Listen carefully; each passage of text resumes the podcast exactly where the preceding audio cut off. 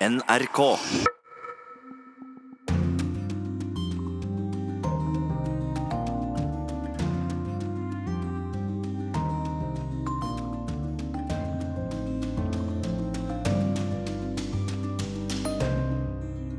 세상은 아마 중대한 변화를 보게 될 것입니다. The world will see a major change. Den unge diktatoren med den dype, raspete stemmen er det Kim Jong-un som eh, kom best fra toppmøtet med Trump i Singapore. Vi oppsummerer og ser framover i Urix på lørdag. I går varslet Trump at USA innfører 25% toll på en lang rekke kinesiske varer. Kina svarer med gjengjeldelsestoll. Hvilke følger kan handelskrigen mellom gigantene få? Krigsherren fra Kongo var den første som ble dømt for å ha brukt voldtekt som våpen i krig. Nå er han frikjent og drar trolig fra krigsforbryterdomstolens fengsel til politisk maktkamp i Kongo. I Tyrkia kan ikke den nærmest allmektige president Erdogan være sikker på å vinne valget om en uke. Opposisjonen står mer samlet. Fyrom er ikke et skjellsord, men forkortelsen av det offisielle navnet på en liten Balkan-stat. Kanskje kan et enklere navn åpne for EU- og Nato-medlemskap. I Brasil leder høyresidens kandidat foran høstens presidentvalg. Landet preges av sterk sosial spenning. Fattigdommen og kriminaliteten øker kraftig. Hundrevis av ledende politikere og næringslivsfolk er fengslet for korrupsjon, og landets regjering er dypt upopulær. Kjemper det belgiske fotballandslaget for to nasjoner, eller kanskje ingen? Spørsmålet stilles i vårt VM-aktuelle korrespondentbrev fra Philip Lote. Og her i studio denne lørdagen, Øystein Heggen. Det var jo en formidabel mediestorm fra Singapore denne uka, fra toppmøtet mellom Donald Trump og Kim Jong-un. Hvem kom best fra det? Vi skal straks forsøke å gi noen svar. Men aller først i Urix på lørdag om at USA i går annonserte 25% toll på mange kinesiske importvarer. Kina svarer med mottoll. Sverre Loddgaard, velkommen. Mange takk. Du er seniorforsker ved Norsk utenrikspolitisk institutt. og Hvilke følger kan en tollkrig mellom verdens to økonomiske giganter få? Trump river ned de multilaterale regelbaserte ordningene eh, som best han kan, til fordel for bilaterale avtaler. Det er der eh, den overlegne makten kan komme sterkest til uttrykk og bli eh, overveldende. Eh, så nå ser vi altså stadig klarere tilløp til handelskrig. Eh, jeg vil mene til ulempe for eh, alle. Men spørsmålet blir så om de andre landene, med EU og Kina i spissen, greier å opprettholde det multilaterale samarbeidet seg imellom. Og I så fall så kan dette snu seg, slik at Amerika først blir til Amerika alene. Hva slags politikk er det som er bestevenn med Kim, og som gjør Kina til en uvenn? Eh, Kina har jo ikke blitt noen uvenn eh, i, i, denne sammenhengen, snarere tvert imot. Det er Kina som har trukket det lange strå. Ja, Nå tenker du på uh, toppmøtet, uh, situasjonen etter toppmøtet i Singapore? Ja. ja nettopp. Der har uh, Kina trukket det lange strå. Kina vil ha USA lengst mulig vekk fra sine grenser. Nord-Korea er fortsatt en buffer som holder USA på armlengdes avstand. Trump har varslet at øvelsene i Sør-Korea skal opphøre så lenge forhandlingene gjør framgang. Det er fordel, fordel Kina. Men likevel handelskrig mot Kina? Likevel handelskrig, men disse to tingene de går altså parallelt. Du følger med oss videre, for vi skal også da høre om en film som Trump viste for Kim denne uka. Denne var laget i Hollywoods formspråk og viste alternative valg for Nord-Korea. Fortsatt et isolert og fattig land med atomvåpen, eller et land med blomstrende framtid som hadde rustet ned. Featuring President Donald Trump and Chairman Kim Jong-un in a meeting to remake history, to shine in the sun. One moment, one choice. What if? The future remains to be written. Ja, fra Hollywood-inspirert film til politisk teater i Singapore. Hva syns du om denne filmsnutten, Sverre Loddgaard? Ja, den, den, sier jo veldig i klartekst hva man kan tenke og synes og mene om dette. Det kom jo en erklæring da, fra dette toppmøtet. Den var meget knapp. Den sier at partene vil arbeide for et fredsregime på den koreanske halvøya, slik koreanerne allerede har begynt å gjøre, og Kina, og Kina støtter.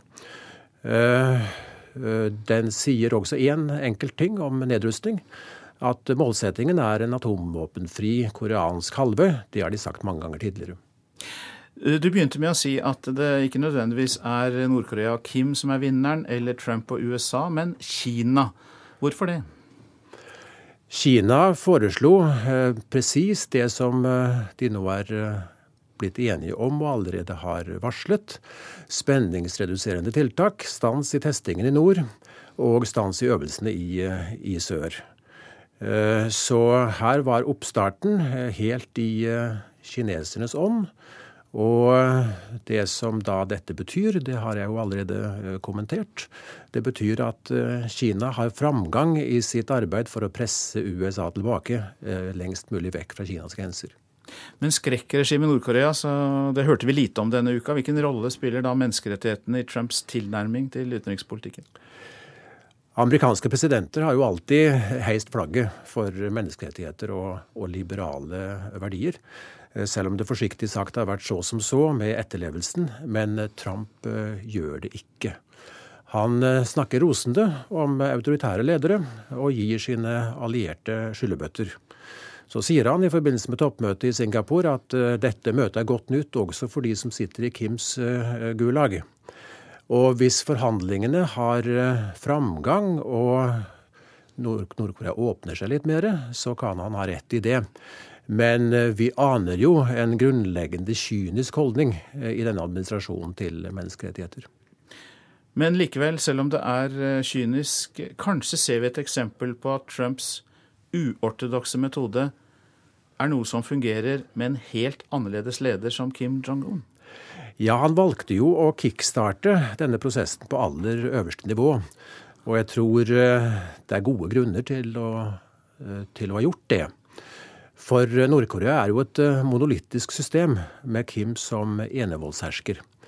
Og hvis noen i dette systemet skulle ønske å gå en annen vei enn det USA ønsker, så kan man altså henvende seg til Nord-Korea på aller øverste nivå. Da kan vedkommende bli satt til side. Og likedan den andre veien. Eh, John Bolton, eh, Trumps sikkerhetsrådgiver, har vel knapt sett en rustningskontrollavtale som han liker. Og heller ikke noen konflikt som ikke godt kan løses ved å bombe motparten. Så der finnes det altså muligheter begge, begge, veier for å henvende seg på aller øverste nivå for å rydde av veien eh, ting som kommer forstyrrende inn i bildet. Hva tror du da om mulighetene framover til at man uh, får til en avtale, og kanskje ikke minst en avtale med et veldig viktig stikkord som kan verifiseres? Altså at man kan slå fast at våpnene er borte i Nord-Korea? Ja, det virker som man er enige om at fremgangsmåten må være stegvis, og med gjensidige innrømmelser på, på hvert trinn. Eh, det er veldig vanskelig å forestille seg at nedrustning kan, eh, kan skje eh, på noen annen måte enn det. Og så er det fortsatt berettiget tvil om Nord-Korea er villig til å gi fra seg våpnene. Et stykke på vei vil de ganske sikkert gå, prøve på forskjellige måter å gjøre atomvåpnene litt mer ufarlige. Og det at Kim, det var den eneste lovnaden han kom med i, i etterkant av møtet, altså har varslet at han vil legge ned testområdet for eh, rakettmotorer.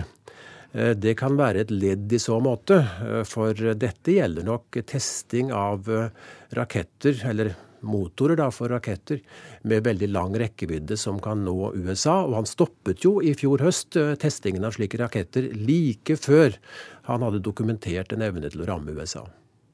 Mange takk for at du kom til oss i Urix på lørdag, Sverre Lodgaard, seniorforsker ved Norsk utenrikspolitisk institutt.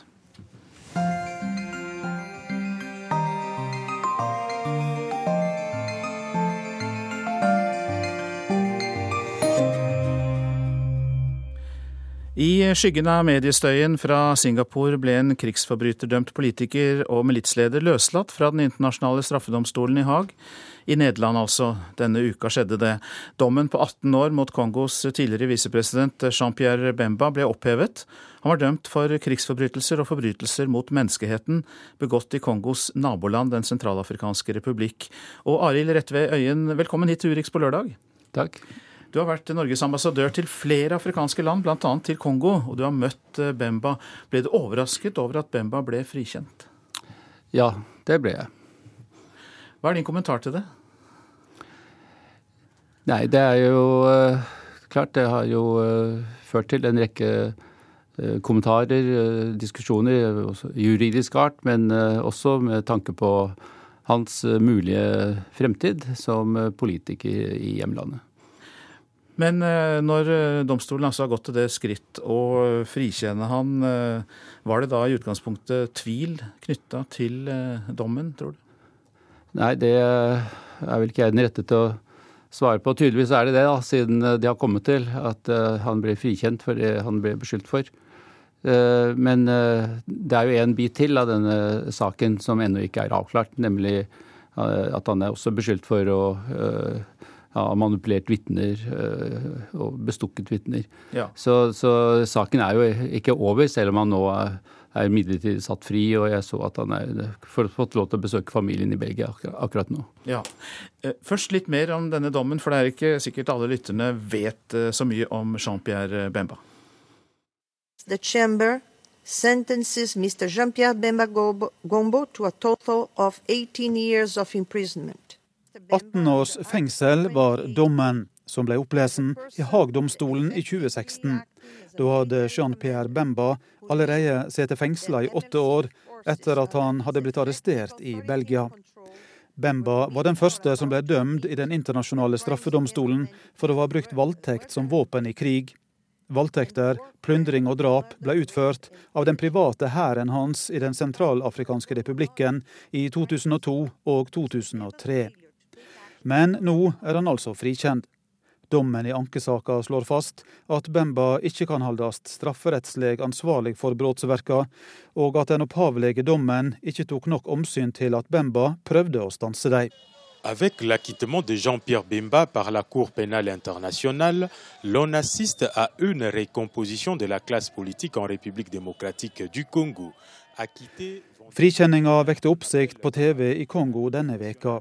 Hvis Bemba kommer tilbake, kan det politiske landskapet her i landet bli endra, sier TV-kommentatoren.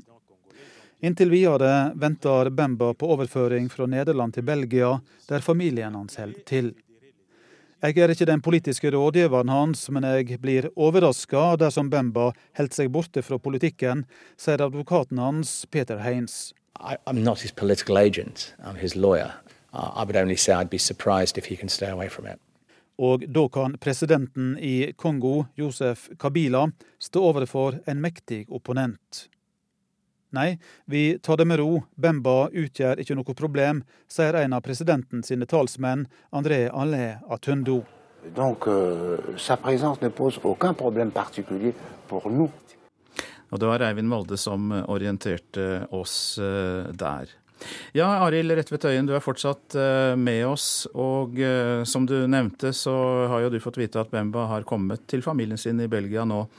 Men hva kan det bety for eh, Kongo dersom han kommer tilbake og engasjerer seg i politikken? Ja, jeg tror før vi går så langt og spekulerer om det, så er det kanskje lurt å se litt på dagens situasjon for Bemba. Saken hans er jo ennå ikke helt over. Og han har sittet ti år i fengsel. Han har jo stort behov nå for å reetablere seg som eh, familiefar, eh, gjenoppbygge forholdet til barna og, og kone osv. Dette er viktige ting for han. Eh, om han ja, Samtidig så har jo hans parti blitt kraftig redusert, naturlig nok, gjennom alle disse årene. Mange av hans nærmeste medarbeidere er, er borte, har gått over til andre partier. Eh, selv om det er en liten kjerne igjen som har holdt eh, seg lojale. Så eh, i tillegg så vet vi at forholdet mellom nåværende president Kabila og Bemba aldri har vært godt. Så jeg tror det er en veldig lang vei frem for Bemba for å komme eventuelt tilbake i politikken i Kongo. Så da er du enig med talsmannen til Kabila om at det egentlig ikke utgjør noe problem for Kongo? Uh, jeg er ikke helt Jeg ville legge meg på en eh, sånn mellomtolkning, tror jeg. Eh, det er jo også et historisk faktum at eh, Bemba er, har stor støtte i hovedstaden Kinshasa. Hvor vel kanskje Kabila aldri har klart å etablere skikkelig politisk støtte. Så hvis han skulle komme tilbake til Kinshasa, så ville nok det kunne forårsake betydelig uro. Det er ikke noen tvil om. Men det er et langt stykke frem dit. Men du har jo vært øyenvitne til oppgjør mellom Kabila og Bemba, og det, det var en batalje som pågikk i hovedstadens gater? Eh, ja, det stemmer. Eh, det var Eh, etter, da, etter, valget og etter, at, eh, etter, presidentvalget den gangen, og etter at Kabila uh, hadde bestemt seg for at nå måtte uh, Bemba akseptere valgresultatet, noe han ikke gjorde, så ble det en væpnet aksjon hvor antatt 300 personer ble, ble drept. Og det førte jo til at Bemba søkte tilflukt til den sørafrikanske ambassaden, og fikk, det, fikk det etter en stund fritt leide til Europa. Nå gjenstår det jo litt av anklagene mot ham i Den internasjonale straffedomstolen, men hovedsakene ble han jo frikjent for. Hva i all verden gjorde hæren til Bemba i Den sentralafrikanske republikk? For det er jo det de gjorde der, bl.a. voldtekter, som han opprinnelig ble dømt for. Ja, uh, igjen uh, På det tidspunktet så satt jo uh, Bemba ganske isolert i Gebadolit. Så var det tidligere, la oss si, eh, hovedstedet til, til tidligere president Mobutu. Og det var på grensen til den sentrale Ja, det, det ligger jo rett over elva til, mm. til eh, Bangui. Jeg hadde anledning til å besøke han der et par ganger, for jeg jobbet da i, i FN. Og han hadde også tidligere fortalt meg, da han var i Kampala, at han ikke hadde penger til å drive denne hæren sin. Han, ikke, han, sa rett ut at han hadde ikke penger til lønninger. Ehm, da presidenten i Sentralafrikanske republikken fikk betydelige problemer, så tror jeg rett og slett at eh, Bemba, som naturligvis hadde god forbindelse med han, eh, eh, så en mulighet til å få noen inntekter. Så han er ikke mors mesterbarn? Han dro inn i nabolandet for å røve? Ja, de ser jo ikke på den måten. Nei, ikke han sjøl, nei. nei. Men jeg tror nok at lønningene til soldatene spilte en betydelig rolle. Eh, til slutt, Kongo er jo et kjempestort land med åtte millioner innbyggere. Hvilke utfordringer står det overfor hvis det da skal være Kabila som fortsetter, eventuelt eh, hvis Bemba får en maktposisjon eh, og kommer tilbake? Uansett, hvilke problemer står landet overfor? Det er jo først og fremst å klare å fordele de enorme rikdommene som dette landet har. alle land faktisk står og er veldig interessert i å være med på å, høste fra Kongo. Et godt eksempel eh, akkurat nå nylig, et av verdens største selskaper, Glencore, etterga akkurat en gjeld på 5,5 milliard dollar i et uh, selskap de var involvert i i Kongo, for å beskytte andre investeringer. Så det sier litt om størrelsesordenen i det landet. Hjertelig takk for at du kom, tidligere ambassadør til Kongo, Arild Rettve Øyen.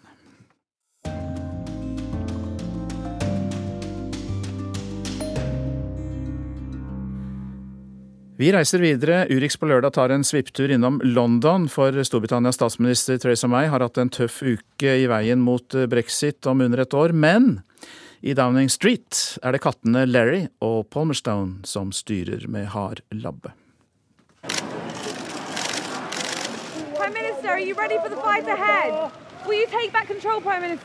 Statsminister Theresa May kommer ut av den ikoniske svarte døra i Downing Street nummer ti. Hun er i hardt vær pga. brexit og styrer Storbritannia på nåde. Journalister vil vite om hun har kontroll, men det er det bare én i Downing Street som har.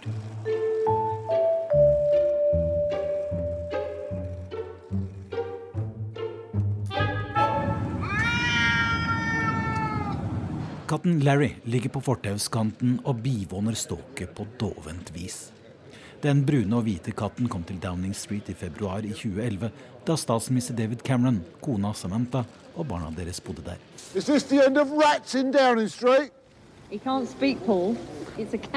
Betyr dette slutten på rottene i Downing Street? ropte en journalist da Larry flyttet inn, og alle forsto dobbeltbetydningen.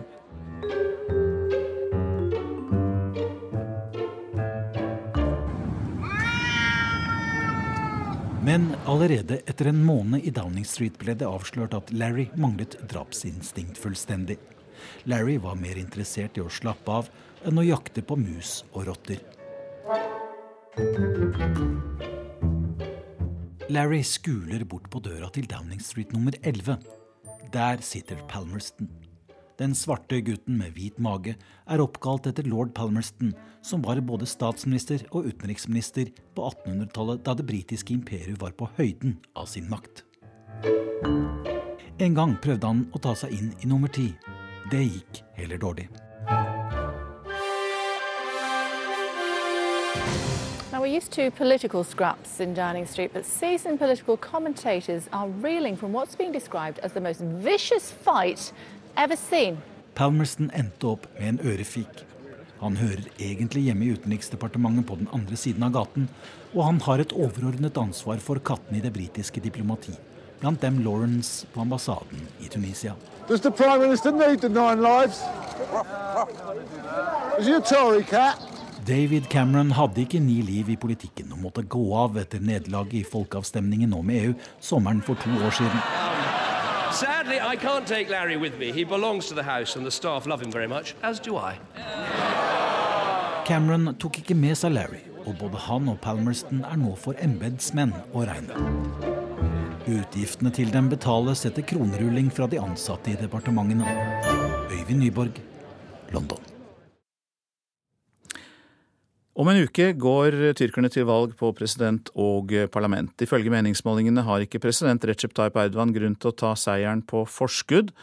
Opposisjonskandidaten Murahem Ince skaper stor entusiasme, og opposisjonspartiene samarbeider for å få avsatt Erdogan. De kurdiske stemmene kan bli avgjørende for den som vil vinne valget. Korrespondent Sissel Wold har spurt kurdere i byen Diyarbakir hva de vil stemme. Neden Demirtaş? Çünkü daha alımlı bir politika izlediğimiz Hvorfor jeg vil stemme på Demirtaş? Fordi han har en moderat politikk som favner hele landet, sier Shenan Dohus Pamuk. Vi treffer henne på en kafé i den gamle delen av Diyarbakir. De fleste kurderne i Tyrkia bor her sørøst i landet. Hele 20% av velgerne er kurdere, og deres stemmer er viktige.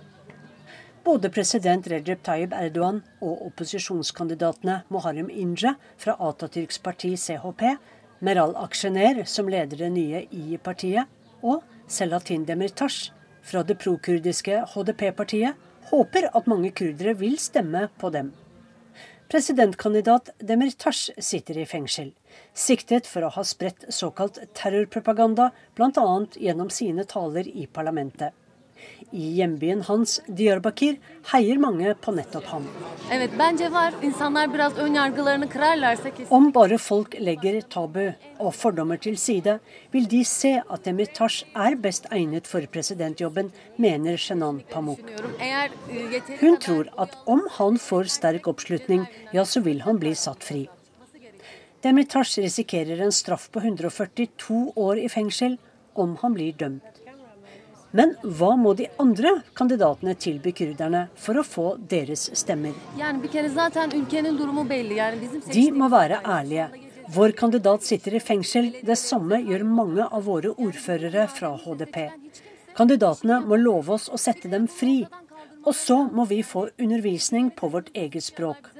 Og vi må få kunne snakke kurdisk fritt uten å få problemer. Tyrkia oppfører seg som om det bare er tyrkere som bor her, men vi er flere minoriteter i dette landet. Og vi ser stadig sammenstøt mellom kurdere og tyrkere. Vi håper på en president som kan love oss fred, sier hun. Om en uke skal Tyrkia velge både president og nytt parlament. I parlamentsvalget frykter president Erdogan konkurransen fra det prokurdiske HDP, partiet til Demirtas. For dersom HDP kommer over sperregrensen på 10% kan det igjen ta fra Erdogans parti AKP flertallet i parlamentet. I valgkampen har Erdogan kalt Demirtas en terrorist, og krever at han får sin dom.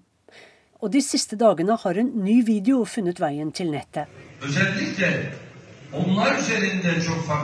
Her ser vi Erdogan snakke til partifeller på et internt møte.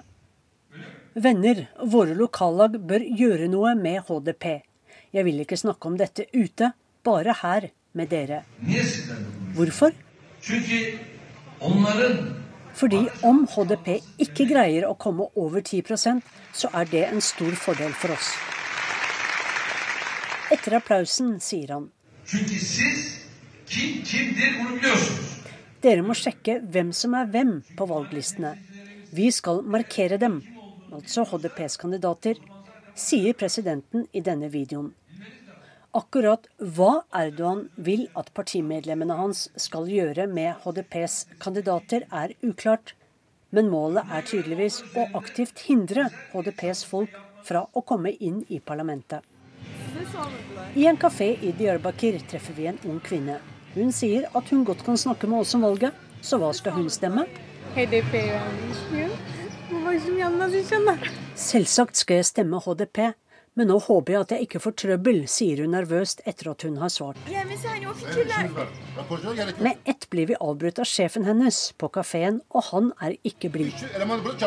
Jeg vil ikke ha noen intervjuer her, brummer han og kaster oss ut. Tilbake i Diyarbakir sentrum treffer vi et ektepar som selger nypresset juice av appelsiner og granater. Så hva må kandidatene gjøre for å få tyrkiske stemmer, spør vi, og mannen svarer. Diskrimineringen av oss kurdere må ta slutt. Kurdere må slippe å få bank og bli trakassert når de drar vestover i landet. Og se på alle politifolkene rundt oss her. Hvordan kan vi snakke fritt, spør Shahin. Han mener dessuten at det er galt at en av kandidatene sitter i fengsel uten å kunne drive valgkamp. Det burde ikke være slik, sier han til NRK. Og fra Sissel Wold i Diyarbakir til Joakim Parslow, velkommen hit.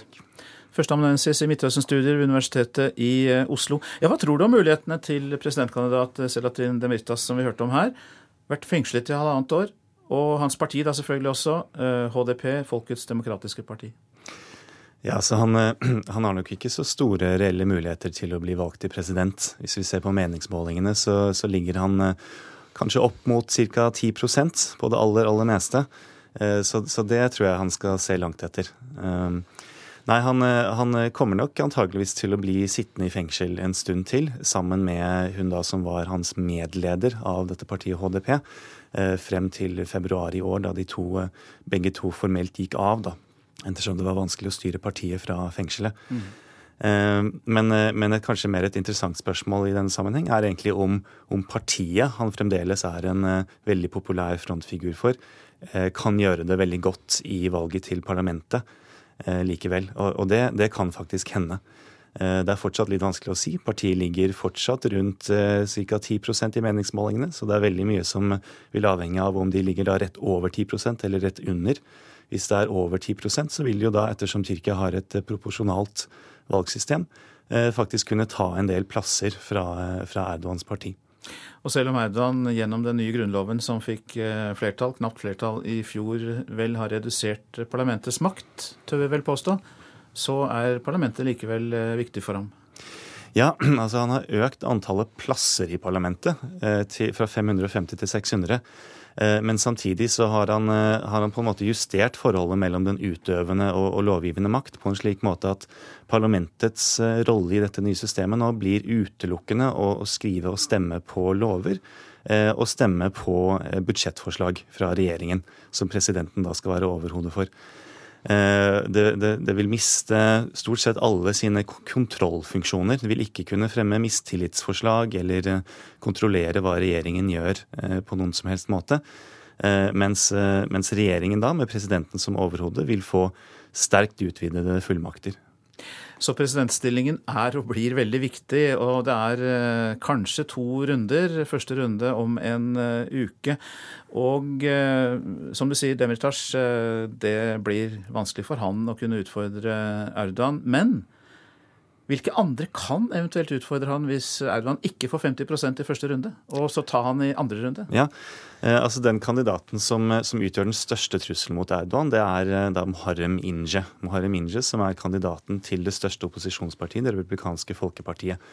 Eh, det er det partiet man gjerne, man gjerne, kaller det sekularistiske partiet. Tyrkias eldste parti. Atatürks parti, altså. Atatürks parti, ja. Mm. Han, eh, han, er ikke lederen for partiet. Han ble lansert som presidentkandidat for bare et par uker siden. Men siden han ble lansert, så har han stormet frem på meningsmålingene, faktisk. Så mens Erdogan fortsatt ligger relativt stabil på rundt 47 eh, eh, av stemmene, og fortsatt har en ganske god sjanse for å vinne i første runde, fordi det er godt innenfor feilmarginen, så har altså Moharem Inje fra opposisjonen stormet frem og, og, og gjør det ganske bra. Han er ti år yngre enn Erdogan. Han har vist seg å være ganske energisk og karismatisk, en, en slags eh, bajas, samtidig som han gjør det veldig godt i debatter på TV. Veldig seriøst, veldig godt forberedt. Så så, så, så, spørsmålet er egentlig om for det første om Erdogan kommer til å vinne i første omgang eller ikke. Hvis han eh, ikke får over 50% av stemmene, så vil det antageligvis stå mellom Erdogan og Moharem Inje. Eh, og da vil det store spørsmålet være om de velgerne som ellers ville stemt på en av de andre opposisjonskandidatene, kommer til å stille seg bak Inje eller ikke. Ja, for det er jo partier som vi vel kan si står langt fra Inche og det veldig sekulære partiet. Eh, det er jo et islamistisk parti, og så er det jo en kvinnelig kandidat, som i seg selv er også en veldig spennende kandidat. Eh, men hun representerer jo høyresiden. Ja, Det er en av de, de, store overraskelsene ved dette valget. Eh, den første overraskelsen var selvfølgelig at valget ble fremskyndet med ett og et halvt år. Men, men, den andre overraskelsen, som jeg tror kom som, en, kom som en overraskelse for Erdogan også, det er at at mange av disse, eller flere av opposisjonspartiene som tidligere aldri ville snakket sammen i det hele tatt, fordi du har altså et, et, et islamistparti som representerer den gamle islamistbevegelsen som Erdogan selv kom fra i utgangspunktet. Så har du Atatürks parti, så har du de mer sekulære ultranasjonalistene, eh, og, og enda et parti til. De har nå inngått en, en valgallianse, faktisk. I hvert fall når det gjelder valget til parlamentet. Eh, og den valgalliansen er slik at hvis disse partiene samlet eh, får, eh, får nok stemmer, så, så, vil de altså frarøve AK-partiet, altså Erdogans parti, ganske mange plasser i parlamentet. Men, men, spørsmålet er da fortsatt når det kommer til altså presidentvalget. Fordi lederne for disse opposisjonspartiene har sagt at hvis en av deres kandidater kommer til andre runde mot Erdogan, så kommer de andre til å stille seg bak den kandidaten fra opposisjonen. Men, eh, men, vil velgerne deres gjøre det samme? Det er det store spørsmålet. Og det, det, er ikke jeg så veldig sikker på. Nei, nettopp. For det er et virkelig stort spenn i den uh, opposisjonen. Men, ja. men, da har det jo skjedd, da, det som uh, mange har ropt på lenge, at den tyrkiske opposisjonen skulle samle seg. For nå har jo Erdogan i praksis hatt uh, makten siden 2002, og det er mange som mener at man trenger litt utluftning. Ja, ja da. Det, det, er, det, er, mange nå, særlig blant de yngre velgerne, som har vokst opp med Erdogan som eh, overhode stort sett hele livet sitt.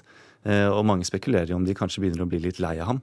Og I litt kortere tidsperspektiv så, så, tror jeg nok Erdogan også merker at det er mange som begynner å bli litt lei av å ha levd under unntakstilstand de siste to årene nå. Det er nok litt derfor også han, eh, han nå lover at han skal løfte unntakstilstanden hvis han blir valgt. Så kan man spørre seg hvorfor han ikke gjør det før valget. Men ja, det er et valgløfte han har kommet med, i hvert fall. Hjertelig takk for at du kom, Joakim Parslov, førsteamanuensis i Midtøsten-studier ved Universitetet i Oslo.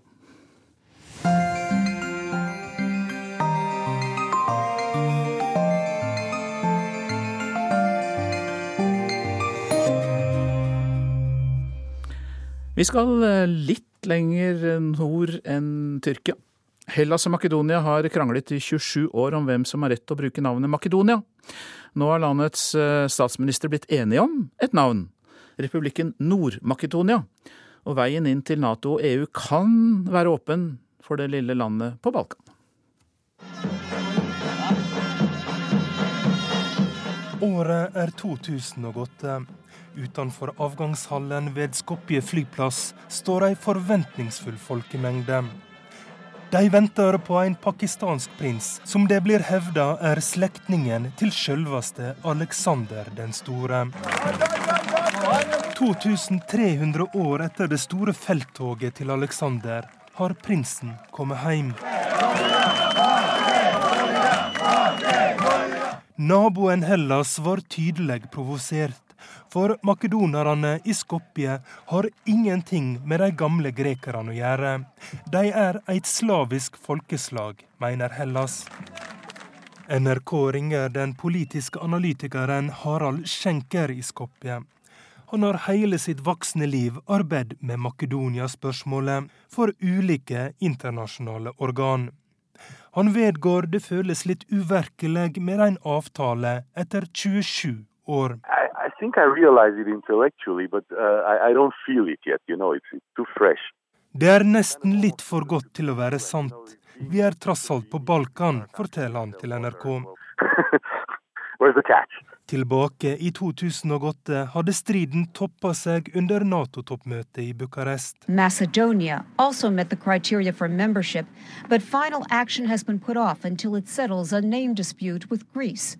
Den amerikanske presidenten George W. Bush var tydelig skuffa.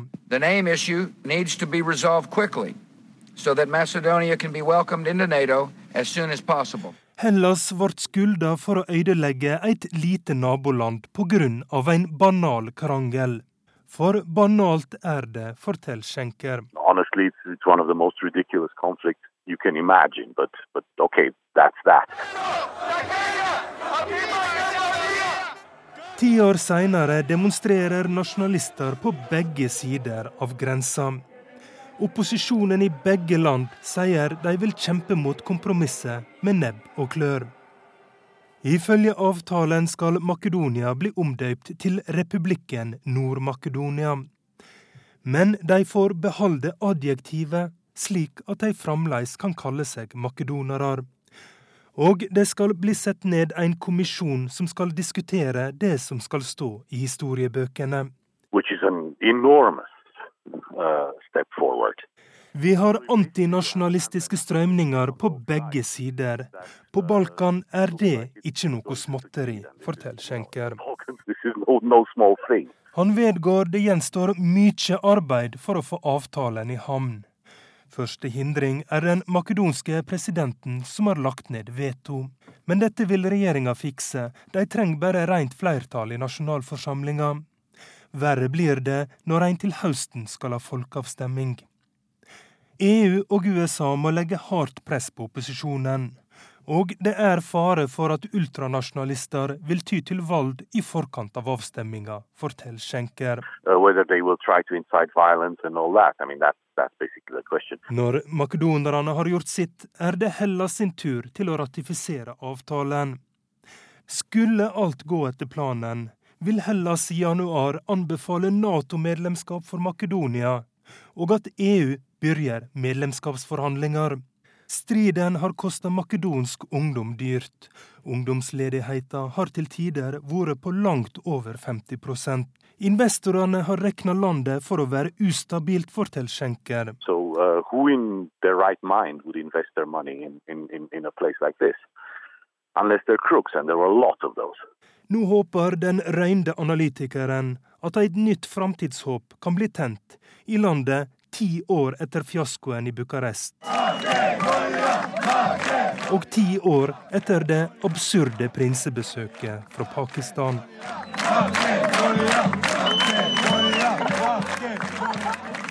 Reportasjen var laget av Roger Severin Bruland.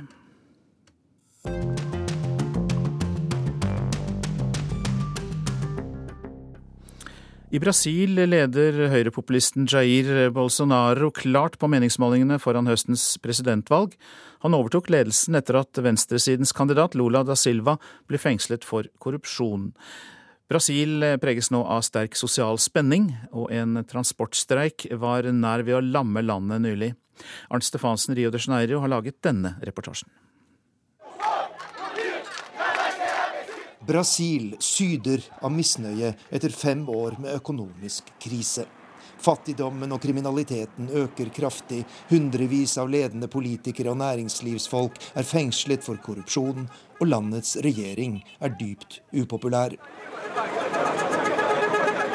Det brasilianske samfunnet opplevde nylig det mest omfattende sosiale opprør siden massedemonstrasjonene i 2013. Landets lastebilnæring gjennomførte en landsomfattende ti dagers streik som skapte enorme problemer for vareforsyning, industriproduksjon og samferdsel, og regjeringen måtte kjøpe seg ut av krisa ved å innfri det viktigste kravet til de streikende lavere priser på diesel. Uma minoria radical tem bloqueado estradas Dessverre har et radikalt mindretall greid å sperre veier og gater her i landet, sier president Michel Temer. For å hindre at landet forfaller i kaos, har regjeringen besluttet å kompensere for prisøkningen på diesel, og vi garanterer at prisene blir holdt på dagens nivå i minst to måneder fremover, sier Brasils president. Men mange mener det er galt av regjeringen å la seg presse av de streikende. Transportstreiken har fått mange brasilianere til å kreve en militær maktovertakelse her i Brasil, og ifølge storavisen Folha de Sao Paulo har regjeringen fått gjennomført en ikke offentliggjort undersøkelse som viser at en tredel av befolkningen støttet en slik løsning mens streiken pågikk. Den kjente kommentatoren Laura Carvalho mener Brasil er i en farlig situasjon i øyeblikket. Os caminhoneiros eh, estão utilizando né, uma chantagem. Lastebilnæringen utnytter sin stilling og driver utpressing av regjeringen. Nærmere 70% av alle varer her i Brasil transporteres med bil, og derfor kan denne gruppen lamme landet, slik vi har sett under denne streiken. Men dette er å leke med ilden. For stadig flere her i Brasil krever en militær løsning, eller i hvert fall en leder med sterke bånd til de militære, sier kommentatoren. Den som i første rekke øker sin politiske kapital i denne situasjonen, er den 62 år gamle Jair Bolsonaro. Han har gjort seg bemerket med sin hyllest til militærregimet som styrte Brasil fra 1964 til 1985, og hans synspunkter har stor og økende oppslutning. Bolsonaro har de siste månedene besøkt militærforlegninger over hele landet, og hans uttalelse ved et av disse besøkene har vakt oppsikt, både her i Brasil og internasjonalt. Disposto. Noen vil dø på veien, men mitt mål for 2018 er, hvis Gud vil, å bringe Brasil mot høyre. Vår plikt er å ofre livet for fedrelandet, og dere soldater har den rette innstillingen. Vi er nødt til å forandre Brasil, ikke sant, sier Jair Bolsonaro, som nå leder klart på meningsmålingene foran høstens presidentvalg. Men også på venstresiden mobiliseres det kraftig foran det viktige valget. De mange tilhengerne av Brasils tidligere president Lula da Silva er rasende etter at han ble fengslet for korrupsjon, og med all sannsynlighet er ute av valgkampen. Det er på ytterfløyene politikken først og fremst utspiller seg her i Latin-Amerikas største land. Et dramatisk faktum i et av de viktigste valgår på flere tiår.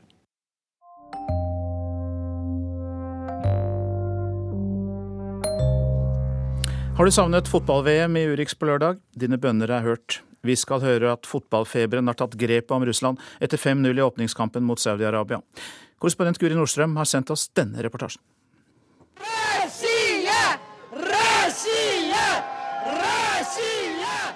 Slik høres det ut når en vertsnasjon i fotball-VM nettopp har knust motstanderen i mesterskapets aller første kamp.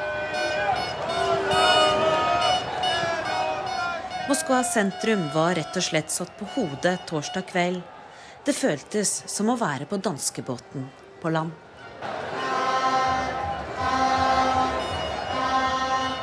Som nordmenn vet vi jo alt om at idrettsseire gjør noe med nasjonalfølelsen. Russerne er ikke så forskjellige fra oss der.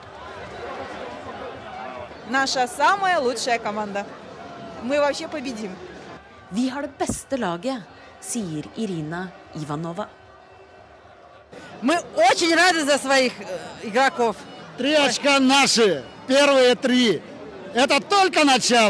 Dette er bare begynnelsen, mener Vladimir Gorbatov og kona Jekaterina, som mener Russland kan vinne alt.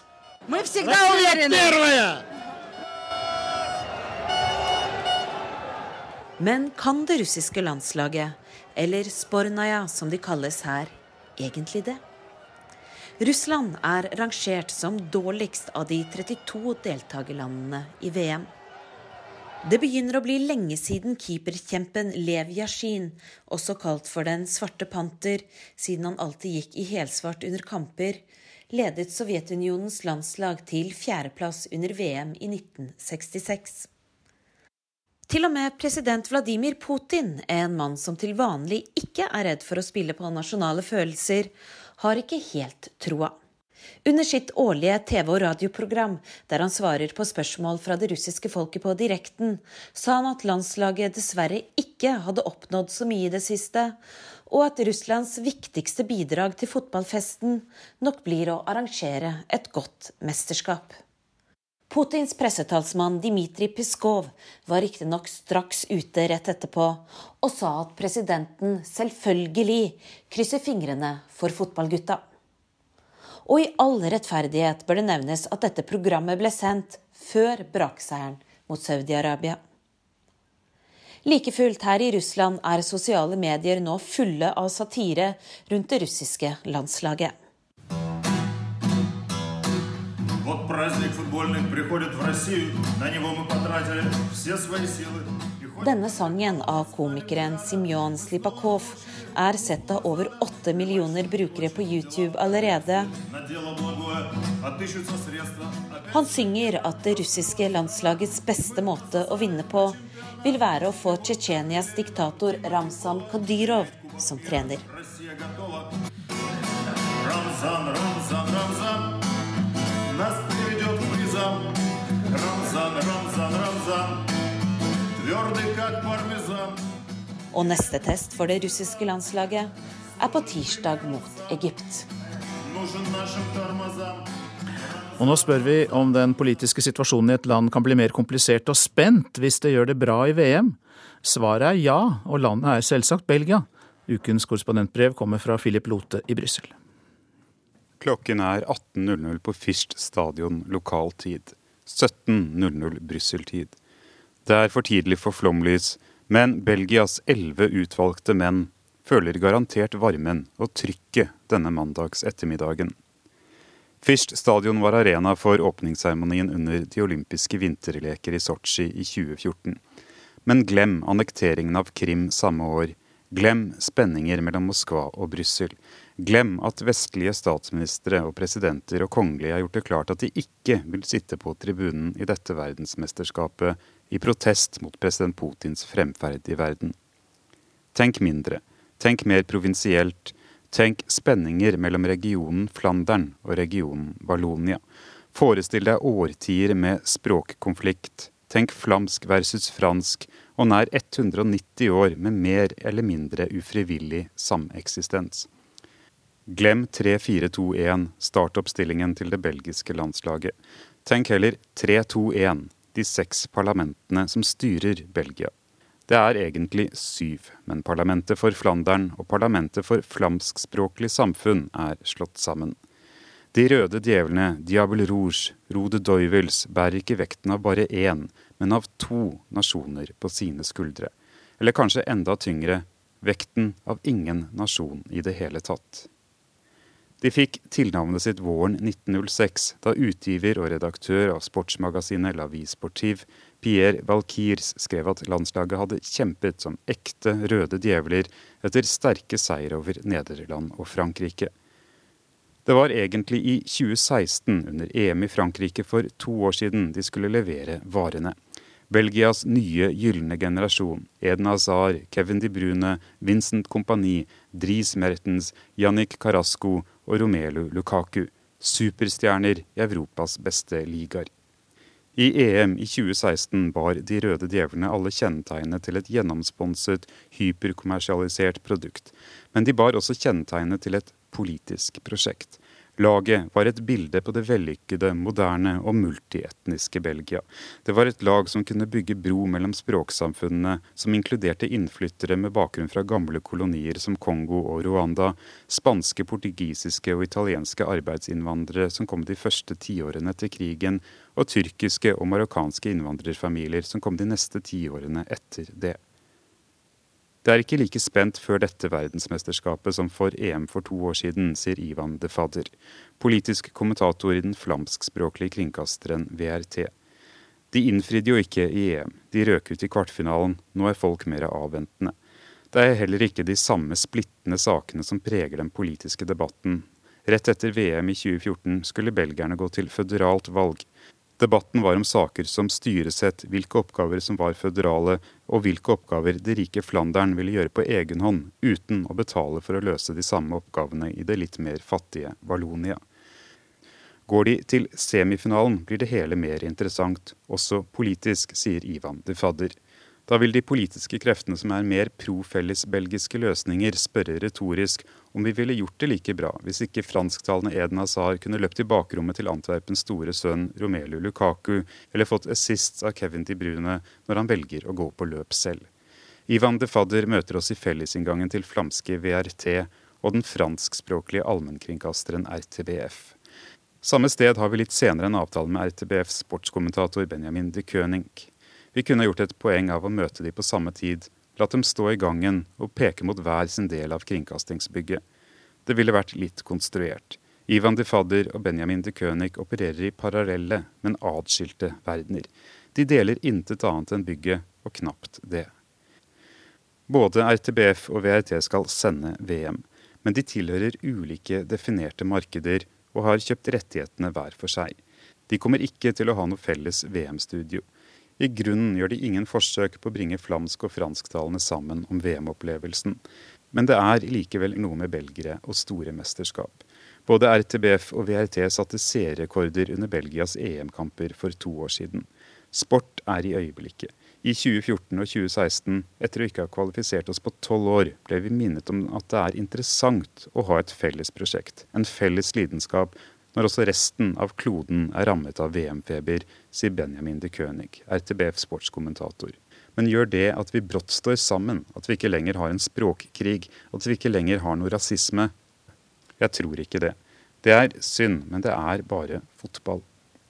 Se på Frankrike i 1998. Verdensmestrene ble feiret som et multikulturelt lag med enestående kvaliteter. Men fire år senere, i 2002, går Jean-Marie Le Pen og Nasjonal Front for første gang til siste og avgjørende runde i presidentvalget. Hvis de røde djevlene blir verdensmestere, så vil det være fantastisk.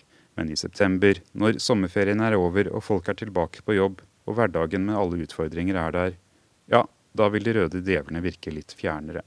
Men jeg skulle ønske at det ikke var sånn. At de røde djevlene virkelig kunne løse problemer, sier Benjamin de König. En latter som ganske sikkert ofte virker avvæpnende, triller fra Valerie de Pil. Den 35 år gamle politikeren fra Antwerpen og partiet NVA, Nye Flamse Allianse, møter oss i Belgias føderale parlament i Brussel. Vi er ikke redde, ler hun. NVA har et uavhengig Flandern som et langsiktig mål. Det kortsiktige og kanskje mer oppnåelig, er en enda løsere konføderasjon enn den føderasjonen Belgia er i dag. NVA er Belgias største enkeltparti. Det er også det dominerende regjeringspartiet. I seg selv en sterk prestasjon ved urnene, da partiet ikke har formelle allierte eller noen gang har stilt liste i de rent fransktalende delene av Belgia. Spørsmålet jeg knapt har rukket å stille Valerie de Pil før hun begynte å svare, er hva de røde djevlene og et godt VM vil bety for nasjonalfølelsen i Belgia. Underforstått om hennes flamske nasjonalistparti er nervøse for at Belgia skal gjøre det godt i VM. Sønnen min på fem maler alle fargene i ansiktet, roper og heier og er en stor fan av de røde djevlene. Jeg retter ikke pekefingeren min mot han og sier nei, tørk det av, sier hun. Men under VM i 2014 og EM i 2016 var det tendenser til pekefingre fra NVAs ganske sterkt sentraliserte partiapparat.